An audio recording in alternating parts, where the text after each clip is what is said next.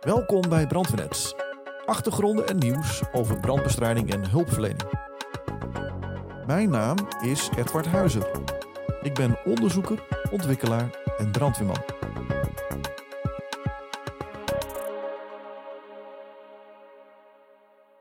In dit tweede deel over het IFIW bespreken we met Ricardo Wever de presentaties die zijn gegeven tijdens dit congres. Zo staan we stil bij rookgasexplosies, de human factors, de beperkingen van realistisch oefenen, het RSTV-model en de effectiviteit van rookgaskoeling. Internationale thema's die ook in Nederland actueel zijn. Ook zoomen we in op de achtergrond van de sprekers en de verschillen in de les- en leeromgeving. We ronden deze aflevering af met een beschouwing over wat haalbaar is in opleiding, training en oefening.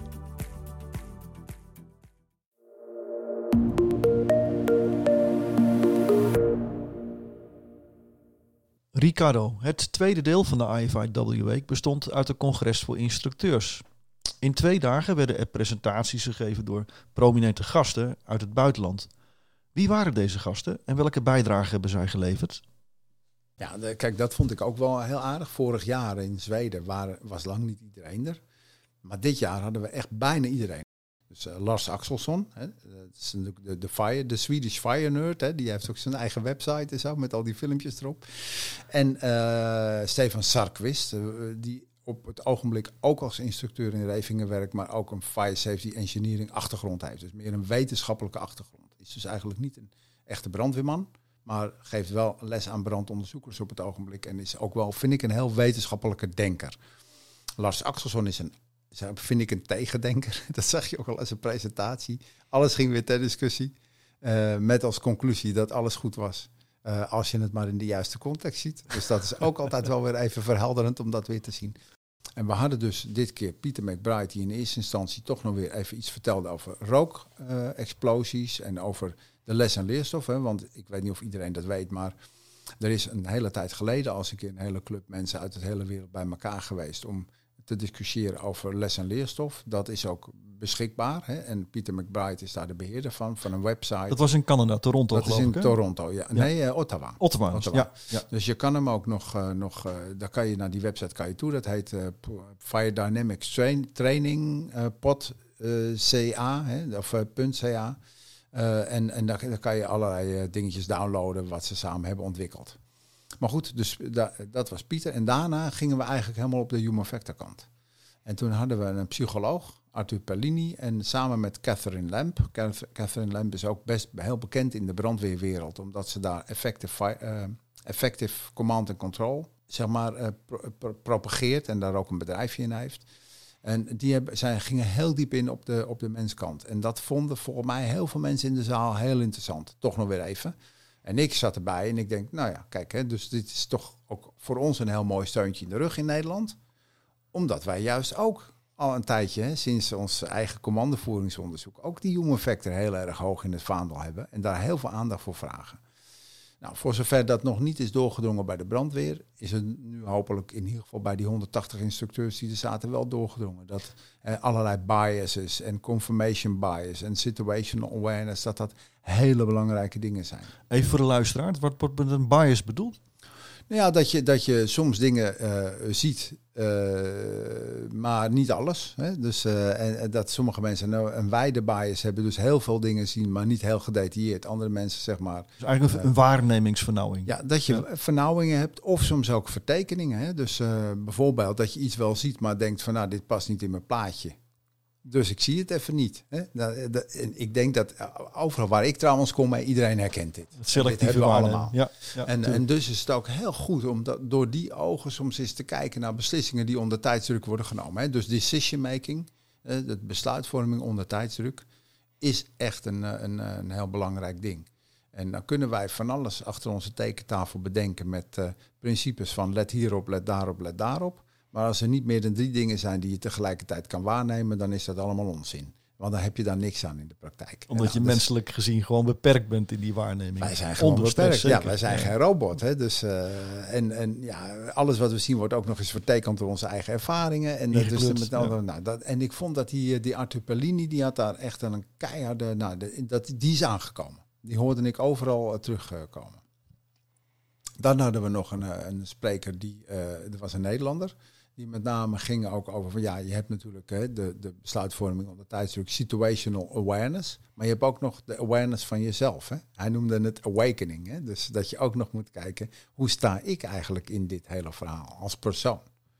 Dus dat was. Uh, daarna zie je dat Sean Revel, dat is ook een bekende naam. Hè, die, uh, dat is de man die uh, van de B-Safe, dus eigenlijk de grondlegger van het RSTV-model. Het is een Australiër. Dat Reading the Fire heeft hij, geloof ik, een website waar je dan ook weer allerlei dingen. Heeft ook gepubliceerd daarover. Dat die, en die zei dat al van tevoren tegen mij. Die zei: Ricardo, misschien komt het omdat ik een dagje ouder ben geworden. Maar opeens heb ik ja, de menskant ontdekt. En ik wil dit keer, en die heeft ook zijn presentatie over de menskant gehouden.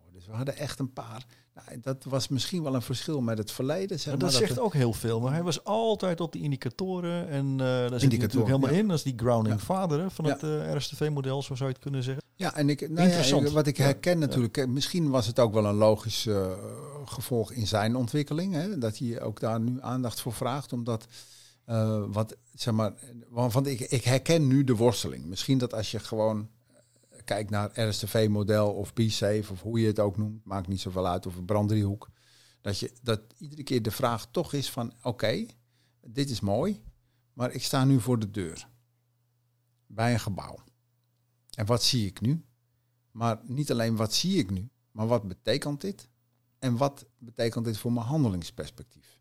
Nou, en je merkt dat, dat nou, ik denk dat het RSFV-model echt is ontwikkeld om daar handen en voeten aan te geven. Dus kan ik nou aan de hand van een aantal simpele indicatoren besluiten of ik veilig naar binnen kan of niet? Want dat is denk ik waar iedere brandweerman of vrouw, maar ook iedere brandinstructeur of iedere wetenschapper iedere keer tegenop loopt. Kan ik nou op een hele simpele manier met niet te veel, human factor, niet te veel indicatoren, veilig naar binnen of niet? Nou, dat is waar hij zich mee heeft bezig gehouden. En dan kom je ook met het RSTV-model, wat er natuurlijk alweer vier of vijf zijn. Zeker als je de G er weer aan koppelt en dan de E. En dan vervolgens is het inmiddels VP is, uh, nou ja, BA plus uh, SAF of zo. Weet je, zo is het. Dus nou, dat wordt allemaal steeds ingewikkelder. Bijna weer een formule. En dan zit je alweer van ja, maar waar, eh, hoe kun je, nou, kun je nou van mensen verwachten dat ze dit kunnen?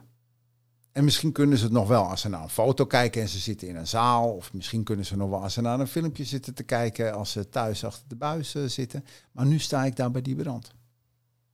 En ik heb een ploeg bij me. Die willen opdrachten hebben. En, en, en kan ik onder die tijdsdruk nog steeds dit allemaal doen. Dus het is eigenlijk wel een logisch vervolg op zijn, denk ik, zijn worsteling. Om eerst te kijken, kan ik nou met een aantal simpele indicatoren bepalen of ik veilig naar binnen kan of niet. En dan vervolgens te kijken van ja, maar wacht even, het is allemaal wel leuk dat we dit theoretisch bedenken, maar kan ik het nou ook in de praktijk? Dus ik vind het wel een hele mooie ontwikkeling ook bij hem om dat te zien. Nou, wat hadden we verder die dag nog? We hadden nou, Steven Sarkwist. En die vond ik ook. Kijk, want dat, nou, misschien dan toch nog even. Ik vond dat ik heb heel veel dingen gehoord die ons ondersteunen in de basisprincipes voor brandbestrijding. Dingen die we in de hernieuwde kijk ook hebben ingebracht. En Steven Sarkwist heeft op een hele mooie manier gekeken naar hoeveel water heb ik eigenlijk nodig om een brand te blussen. En uh, wij hebben dat uitgerekend. Dus uh, dat verhaal van die 2,5 uh, megawatt en dat bankje en die uh, hoge druk en die lage druk en zo, dat is bij ons puur op basis van een berekening. Dus hoeveel warmte produceert een lage of een hoge vuurlast? Is dus alleen maar een, een richtlijn. Ja. En daar zit ook weer allerlei mits en maar aan en aannames en zo. Nou, wat hij gedaan heeft, hij heeft een aantal databases waar echte branden heeft hij bekeken. En heeft hij op een hele slimme manier gekeken naar van oké, hoe groot was dan dat brandvermogen? Hoe groot was het oppervlak? Hoeveel water is er ingegaan? In totaal, hoeveel water is daar per minuut ingegaan en zo. En ik vond het toch ontzettend grappig dat hij dan zo, uiteindelijk dan toch weer ergens bij die 10 megawatt en die 2,5 megawatt uitkwam, die wij ook in die basisprincipes hadden. Dus toen dacht ik van kijk, dit is dus wat ik bedoel, weet je. Je hebt dus eigenlijk een, en natuurlijk hij zei ook van ja, er is van alles ook weer op te merken op de manier waarop ik dit gedaan heb. Maar dit is wel het enige wat er is. Want er is niet meer dan dit. Ik heb alles he, van, hij heeft bijvoorbeeld een hele grote database van Paul Grimwood gebruikt. He, Paul die heeft. Het was met die 5000 objecten volgens mij. Ja, die heeft 5000 objecten in Engeland waar je natuurlijk weer van alles van kan zeggen. Want hoe nauwkeurig is dat dan ook allemaal? Maar het is allemaal niet nauwkeurig. Brandweervak is niet nauwkeurig Dus ik, ik heb ook, ook bij elk experiment, ook wat wij doen, telde maar plus of min 20%. En dan ben ik misschien nog aan de, aan de mooie. Hè? Dat is misschien nog mooi. Maar het is geen, geen uh, wetenschap die je heel nauwkeurig kan bedrijven. Maar je kunt wel wetenschap bedrijven. Dus wat hij deed was wel gewoon het maximaal haalbare met wat we nu hebben. En dan kom je toch ook weer ongeveer in diezelfde richting uit. En ik zie dus eigenlijk drie sporen bij elkaar komen. Je hebt die Paul Grimboet-formule en vervolgens onze eigen berekening. En uiteindelijk ook dat, uh, wat Stefan inbrengt. Ja. Dan zie je dus toch uh, gemiddeld gezien dezelfde lijn ontstaan. Ja. dat is natuurlijk hartstikke uh, bemoedigend. Ik vond, ja, ik, ik vond, ik zat daar echt in de. Ik had dat artikel natuurlijk al gelezen, zeg maar. Maar ik moet zeggen, het artikel leest niet makkelijk hoor. Het is echt best wel, want hij zet dan zeg maar, allerlei uh, grootheden, die zet hij in grafieken tegen elkaar uit op een manier dat je eigenlijk niet meer precies weet wat je nou eigenlijk tegen elkaar zit te bekijken. Hè. Dus bijvoorbeeld het aantal liter per oppervlakte eenheid en dat soort dingen zit hij dan uit te zetten.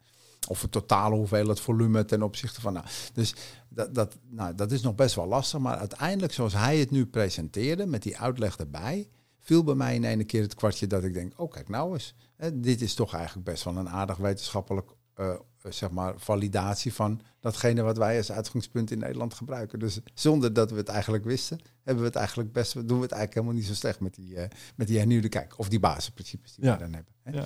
Dus dat vond ik wel uh, heel leuk. Dus uh, Steven Sarkwist had best een, een heel mooi verhaal. Toen hadden we John McDonough. en die ging met name in op ja, hoe ziet nou de toekomst eruit. Nou, vind ik ook heel interessant om eens even verder te kijken van hè, wat nou als we als we straks, uh, als die branden inderdaad uh, ingewikkelder gaan worden. wat nou als we straks minder kunnen trainen, omdat we misschien niet meer zoveel rook mogen produceren. Ja, moeten we dan, ga, wordt dan de buiteninzet, wordt dat dan de toekomst? En gaan we daarmee dan juist niet een heel veel ervaring en kennis verliezen? Waardoor als je dan toch een keer moet redden, het alleen maar nog gevaarlijker wordt om naar binnen te gaan? Vraag. Nou, dat soort vragen had hij. Ja. En ik, nou, ik vond nog wel dat hij een beetje, zeg maar, in de, de, ik vond het niet heel erg vernieuwend, zeg maar. Hè. Dus eh, zeg maar, het was wel de discussie die wij ook hebben. Hè. Dus ik had eigenlijk wel verwacht dat hij wat meer zou gaan kijken naar van nou, hoe, hoe ontwikkelen de branden zich, hoe ontwikkelt de brandweer zich, wat voor nieuwe instrumenten. Hè. Bijvoorbeeld, uh, ja, je kan natuurlijk wel zeggen, ja, we, hè, ik vind het bijvoorbeeld zelf wel eens een uitdaging om te denken, stel nou eens dat je zou zeggen, we gaan niet meer naar binnen. We gaan niet meer naar binnen. Wat betekent dat? Want dan ga je dus een impuls en innovatie geven. Want niet meer naar binnen als mens betekent natuurlijk niet meer niet meer naar binnen. Want je kunt dan nog steeds natuurlijk iets bedenken. Misschien moet je iets met robots gaan doen. En op dit moment zie je wel dat er een paar regio's met robots aan het experimenteren zijn. Maar je, ik durf niet te zeggen dat brandweer Nederland nu fors investeert in de ontwikkeling van brandblusrobots die naar binnen gaan. En uh, als, je, als je die stip op de horizon zou zetten, van nou op enig moment hè, vinden wij toch dat gegeven de brandontwikkeling, de bouwwijzes, hè, want bouwwijzen, de dicht, dichte bebouwing, de, de, de lichte bebouwing die sneller instort, waar je rookgasexplosies kan verwachten, waar je smerig van wordt, waar je allerlei nou ja, uh, hittestuwing, nou, al die menselijke factoren, die fysieke menselijke factoren, als je die uh, in aanmerking neemt, uh, wat vroeger allemaal normaal was, wat nu niet meer kan, ja, dan zou je misschien uh, een enorme impuls en innovatie kunnen geven op het moment dat je, dat je zou zeggen, ik ga niet meer naar binnen. En dan vond ik het wel grappig dat hij toen begon over foknails. Zeg maar, ja, misschien moeten we foknails of zo, hè, dat je van buiten meer kan doen. Ik denk, nou, daar zijn wij dan toch wel een stukje verder in het denken, volgens mij in Nederland, met onze foknails en cobra cutters. En wat we dan nu maken, kleine gaatjes maken waar je gewoon je lage drukstraal doorheen kan zetten. Dat is op zichzelf wel mooi te zien. Hè? Je, je, je, je kunt door dit soort mensen bij elkaar te brengen en uh, dit soort inzichten te delen met elkaar ook heel goed reflecteren waar je staat. Ja, precies. Dat, dat had ik dus wel een beetje. Ik denk, nou ja, een presentatie die gaat over de toekomst van brandbestrijding, waar je met name het dilemma wel of niet naar binnen, zeg maar. Uh, nou ja, dat, dat, ja, nou ja, dan zijn wij al wel iets verder in het denken. Uh, terwijl misschien een jaar geleden iedereen nog zoiets had van, heb je het al gehoord in Nederland, laten ze alles afbranden. Hè? dat En is eh, dus ook enige nuance waard. En dat is, nou ja, goed. Ik, ik had eh, vorig jaar bijvoorbeeld die discussie met Pieter McBride. Hè, dus die, die zegt tegen, want dat gaat, ging over rookgasexplosies. En nou ja, we hadden dat dilemma voorgelegd. We snappen niet zo goed wat we. Wat, zeg maar, wat, ik vind het echt ook een probleem, rookgasexplosies. Hè. Ze komen niet vaak voor. Ook het afgelopen jaar hebben we ze niet vaak gezien. Was een onderdeel ook van Pieters eh, presentatie? Ja, Of de- ben- hij- ja. dat was ook zijn, zijn, zijn ding. Daar zou hij wat meer op in zijn gegaan. Met name omdat hij zegt, oh, maar wacht even, maar dat hebben wij ook in eh, Canada. Hè, die, met name die lichtgewicht, lichte bouw. Met die canelurenplaat op het dak. Isolatiemateriaal bitumen. Hij zegt, maar wat wij doen, wij gaan gelijk dat dak koelen. Ik zeg, oh ja, dat dak koelen. Ja, want hij zegt, dat is geleiding. Geleiding van warmte van het ene compartiment naar het staal van het andere compartiment. En boven dat compartiment wat niet brandt, wordt het staal wel heet. Daar verdampt dus die EPS en die bitumen. En die geeft als het ware die koude rookgasexplosie. Ik zeg, oh, dat is interessant dat je dan het dak gaat koelen. Had ik nog niet aan gedacht. Dat kan je dus van binnenuit, maar je kan het ook van buitenaf. Dus ik zeg, maar hoe zit het dan met jullie procedure? Hij zei, nou ja, luister eens, de eerste autospuit die aankomt, gaat gelijk het dak van binnenuit koelen. De tweede autospuit gaat gelijk een gleuf eh, zagen in het dak. En de derde autospuit richt zich op de brand. En de vierde, ik zei, stop, stop, stop. Weet je, hoezo? Hij zei, ja, luister eens. Wij hebben in onze wet staan dat wij ook goederen moeten beschermen. Dat staat in de wet in Canada. Dus wij komen gewoon met vier, vijf, als er een brand in zo'n gebouw, vier, vijf autospuiten, een paar hoogwerkers erbij.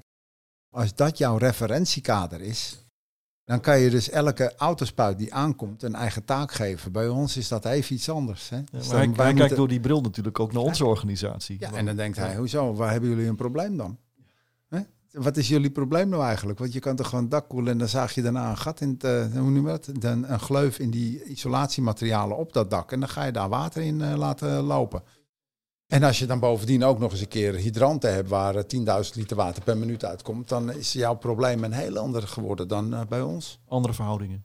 Ja. Ja. Ja. Dus het is interessant, maar daarmee nog niet echt beantwoord. Nee, nou, kijk, eh, daar, daar ging mijn presentatie, daar was de volgende dag natuurlijk ook over, dat we een beetje vastlopen. Hè? Want theoretisch, eh, we, we hebben nu een stukje theorie. Hè? Dus daar kun je zeggen, nou, oké, we weten ongeveer hoe dat dan zit met die rookgassen. En we weten ook eh, explosiegrenzen en we weten ook hoe dat ontstaat. Eh, maar hoe kun je het nou herkennen? En wat kun je eraan doen? Stel dus dat je eh, eh, het niet kan herkennen, maar je gaat ervan uit dat er altijd een gevaar is voor een koude rookgasexplosie in een niet-brandcompartiment. Wat kan je dan doen? Nou, daar hebben wij experimenten naar gedaan om te kijken of je met een Cobra Cutter of met waternevel of met stoom of met wat dan ook dat kan inertiseren, bijvoorbeeld. Hè? Nou, dat blijkt er niet te kunnen. Maar goed, dat was mijn presentatie. Lars Axelson ging in zijn presentatie in op de techniek van rookgaskoeling. Daarbij vergeleek hij het effect van de korte puls met een gebonden straal. Kun je daar iets meer over vertellen? Dat is een hele grappige. Hè? Dat gaat dan over de Amerikaanse stijl met de surface cooling versus de pulsen, de Zweedse methode. Hè? Dus de, ja, de smoke cooling. Dus smoke cooling versus surface cooling. Ik vond dat hij dit keer heel mooi werd samengepakt door Lars Axelsson. Die had, eh, die had, want dat is een tegendenker, die man. Hè? Hij had allemaal filmpjes. En toen liet hij ook even zien hoe zo'n Rosander, hè, dat eigenlijk de grondlegger van, van die korte pulsjes, hè, wat ze dan rabbit fucking noemen, geloof ik. Hè. Dus, die, dus hij liet een filmpje zien waar iedereen ging achterover in de zaal. Van zo'n, zo'n, zo'n brand waar heel veel rook uitkomt. En daar ging er een die rende dus gewoon naar binnen. Hè. Die rende als het ware die rook in. Je zag hem niet meer. En, maar die deed die korte pulsen. En toen zei Lars Axelsson, hij zei, kijk, dit zijn de korte pulsen. Het is natuurlijk onzin om korte pulsen te doen als je blijft zitten. Nou, en dat was natuurlijk ook precies wat wij in ons experiment hebben gezien. Kijk, als Prachtige je, niks, als je ja. niks aan die brand doet, zijn korte pulsen waardeloos. Hij blijft maar gassen produceren. Hij blijft gassen produceren, hij blijft energie produceren, er is stroming, dus die korte pulsen stelden niks voor. Maar het was ook niet de bedoeling dat je in je container bleef zitten en een korte puls deed. De bedoeling was dat je naar binnen rent. Ja, als je dat niet doet. En dan snel naar die brand. Dus je gebruikt feitelijk de korte puls bij het vorderen om continu die rooklaag eh, te koelen. Ja, continu en heel snel naar die brand. En die brand aanpakken. Dat is het idee geweest erachter. Maar dan zie je dus hoe in de loop der tijd... Bij, hè, nou ja, je kent dat verhaal van die... eh, hè, als mensen iets fluisteren, zeg maar, waar het aan het einde dan toe leidt. Nou, dat was dus dit. Dus dat was een hele... Dat was voor heel veel mensen een eye-opener. Opener, voor mij ook. En, en, en daarna liet hij ook zien dat dat de, de discussie tussen rookkoeling of servicekoeling eigenlijk een soort van non-discussie is. Hè? Nou, wij gaan daar natuurlijk experimenten over doen in oktober, hè, want wij willen eigenlijk die Amerikaanse methode vergelijken met, uh, met, de Zweedse methode. Waarvan vorig jaar Stefan Svensson en Robin Zawottek van Joel ook al hebben gezegd van het zou eigenlijk niet zoveel uit moeten maken hoe je het doet. Het, het is eigenlijk veel meer dat je in Zweden houten huizen hebt en dus met zo weinig mogelijk water wil blussen. Terwijl je in Amerika heel veel water hebt en daar dus helemaal geen probleem mee hebt. En het enige verschil was nog dat ze in Zweden dus houten huizen hebben en in Amerika experimenten hebben gedaan met houten huizen waar uh, van dat uh, tegenaan zit. En dat dat allebei geen stenen huizen zijn. En wij hebben stedenhuizen. Dus vandaar dat wij ons experiment in stedenhuizen doen. En daar zijn zij nou, weer in geïnteresseerd. En daar zijn ze hartstikke in geïnteresseerd. Dat vinden ze hartstikke interessant wat daaruit komt. Want de mensen zitten echt te wachten op dat soort, toch wat meer wetenschappelijke onderbouwing. Tegelijkertijd zegt Lars dan, ik heb die wetenschappelijke onderbouwing helemaal niet nodig. Want ik kan gewoon met mijn gezond verstand al beredeneren dat het allebei zou moeten werken. Maar dat je het veel meer moet zien in de context waarin je het doet. Dus, en ik vond dat een belangrijke conclusie. Heeft hij daar een punt? Ja, ik denk het. Omdat hij zegt, ja luister eens, als je heel weinig tijd hebt om te oefenen, moet je de simpelste methode nemen. Ik denk dat het ook aangesproken heeft in de zaal. Hè? Dat was, uh... nou, was eigenlijk ook, dat is eigenlijk wat wij natuurlijk met onze hernieuwde kijkbasisprincipes ook doen. Dat we zeggen van ja, weet je, natuurlijk kunnen we veel dieper gaan dan dit. En natuurlijk kunnen we uh, onze ambities managen en zeggen elke brandweer, mens, zou een expert moeten zijn in het toepassen van allerlei pulstechnieken en dingen, et cetera.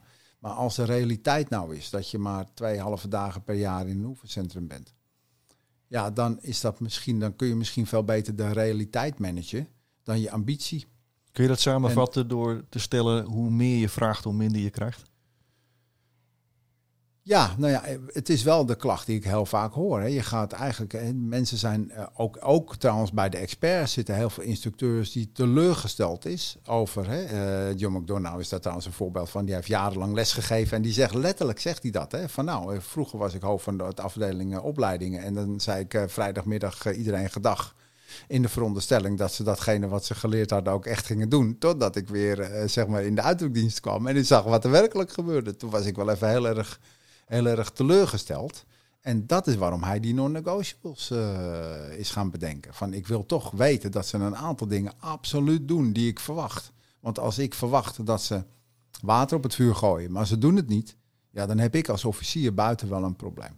Nou, dus met andere woorden, dat zijn die dingen waar het vandaan komt. Dus, je, dus, dus, je, dus als servicekooling ook goed is, maar je gebruikt meer water, is het dan erg als het makkelijk toepasbaar is? Nou, dat zijn dus dingen. Nou, dan kan je zeggen, nou, voor het basic level, nee. En misschien dat je zegt van, nou, we hebben een aantal korpsen die, hè, misschien eh, waar je iets meer van verwacht. Nou, dan ga, maar dan zul je ook meer moeten trainen. Dan zal je dus ook je context moeten aanpassen waarbinnen je dat doet. Ik vond dat Lars Axelsson dat heel mooi liet zien. Hij liet ook al die verschillende straalpijptechnieken liet hij in filmpjes zien, wat het effect daarvan was, hoe het fout ging, hoe het goed ging. Hele mooie presentatie. Overigens, we hebben al die presentaties opgenomen. En uh, we zijn nu, uh, gaan nu vragen aan alle mensen of ze kijken naar hun eigen presentatie. En als er geen uh, presentatie, geen foto's en dat soort dingen waar recht op zitten in zitten, dan worden ze ook gewoon op de Brandweeracademie YouTube-pagina gepubliceerd. Hopelijk kan die van Lars Axelsson, want ik denk dat dat was echt. Maar hij deed het ook heel leuk. Weet je, het was gewoon echt grappig. De hele zaal lag krom. En uiteindelijk was de conclusie dus toch gewoon van, nou ja, alles is mogelijk. Maar je moet het uh, afmeten aan datgene wat kan. Was, hij, was datgene wat hij niet zei eigenlijk van als je het water fijn genoeg kan verdelen, dan verdampt het gewoon en koelt het? Ja, ja, tuurlijk. Of je dat nou met een korte of een lange puls doet, of dat je het water kapot slaat met een gebonden straal. Uh, Als het maar klein genoeg uh, wordt en het verdampt, dan koelt het. Dan koelt het. En ook als je de, de, de, de wanden en het plafond van een ruimte koelt, dan koelt het ook. Dus dat was eigenlijk, uh, en bovendien, ja, hij, hij liet ook wel een paar hele mooie voorbeelden zien van waar het dan, uh, hè, waar het dan toch minder, uh, hè, bijvoorbeeld, hè, we hebben nu dit transitional attack, wat we dan nu de offensieve buiteninzet noemen. zeg maar, waarbij ja, als het plafond eruit ligt, dan schiet het niet zo heel erg op, hè, want het idee is natuurlijk van zo'n transitional attack Dat je als het ware zo, recht mogelijk zeg maar, tegen het plafond aanspuit. Waarbij ze bij UL hebben aangetoond dat het water zich dan als het ware heel mooi verdeelt. Maar als er geen plafond in zit, verdeelt het water zich niet meer zo mooi. Dan is de vraag hoe dat effect is. Het vloeit dus eerst uit voordat het uitregent. Ja, precies. En ook langs de wanden op en eh, Ja. het verdeelt zich heel mooi, zoals je zegt. Ja, dan moet er wel een plafond in zitten. Ja, dus hij zei, hij had ook wel weer een paar kritische noten waar ik dan weer hè, van dacht van, oh shit, weet je, wat hebben we net, hè, een beetje iets. eh, Ja. Maar het gaat dus ehm, steeds om van, eh, wa- wat is nou je basis hè, en wat kan nou bijna altijd wel opgaan? Eh, is in ieder geval veilig? En ja, er zijn altijd uitzonderingen mogelijk. En ja, je kan, eh, maar eh, de vraag is, vloeit er bloed uit? En daar vond ik bijvoorbeeld een mooie bij eh Cool de, er was een van die stellingen was Cool de hot gases. En eh, daar ging de discussie niet over cool de gases, maar het ging over de smoke. Hè. Cool de hot smoke was het. Hè. Want we hebben afgesproken dat we het niet meer over gases, maar over smoke hebben. Nou, Oké, dat is ook eens zo'n dingetje. Eh, hè, want daar was heel veel discussie. Is het nou gases of is het nou smoke? Nou, uiteindelijk vorig jaar hebben ze gezegd, laten we het nou over smoke hebben. Nou, oké, prima. Maar het woordje hot, daar ging het over. En dan, want de vraag is namelijk, als je dit als basisprincipe hanteert, Wat is heet? wat is dan heet? kun je dat meten als brandweermens? Nee, dat kun je niet. Dus met andere woorden, hoe kun je dat dan zeggen? Nou, dan zegt iemand als Ed Hart en die zegt, ja, geen gezeur. Cool de gases. Huppakee. En wat, wat kan het voor kwaad als die gassen dan niet heet zijn? Dan eh, koel je koude gassen. Vloeit er bloed uit? Nee.